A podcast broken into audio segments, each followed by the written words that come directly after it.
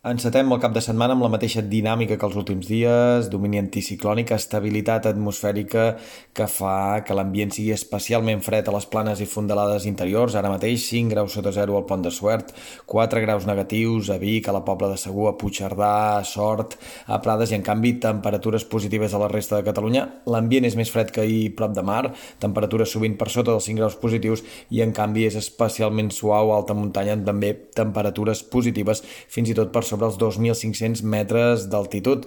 Aquest ambient fred es mantindrà als llocs amb boira. Avui la boira serà especialment intensa i persistent al Pla de Lleida i a la Vall de l'Ebre i en canvi a la resta del país gaudirem d'un bon sol i aquestes temperatures s'aniran enfilant.